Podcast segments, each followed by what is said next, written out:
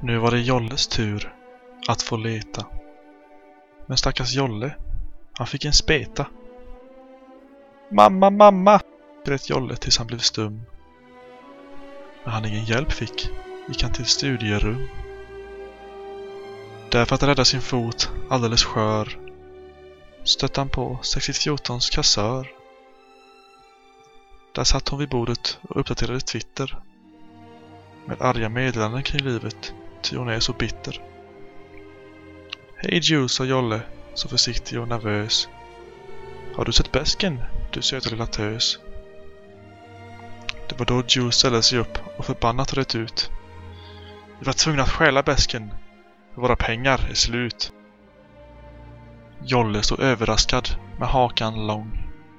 Han hann inte tänka då Joe tog ett språng.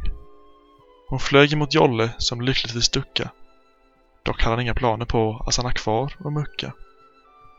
Han sprang mot fönstret och i all hast slängde han sig ut med hela sin last. Men det var något fatalt som Jolle hemskt nog glömt.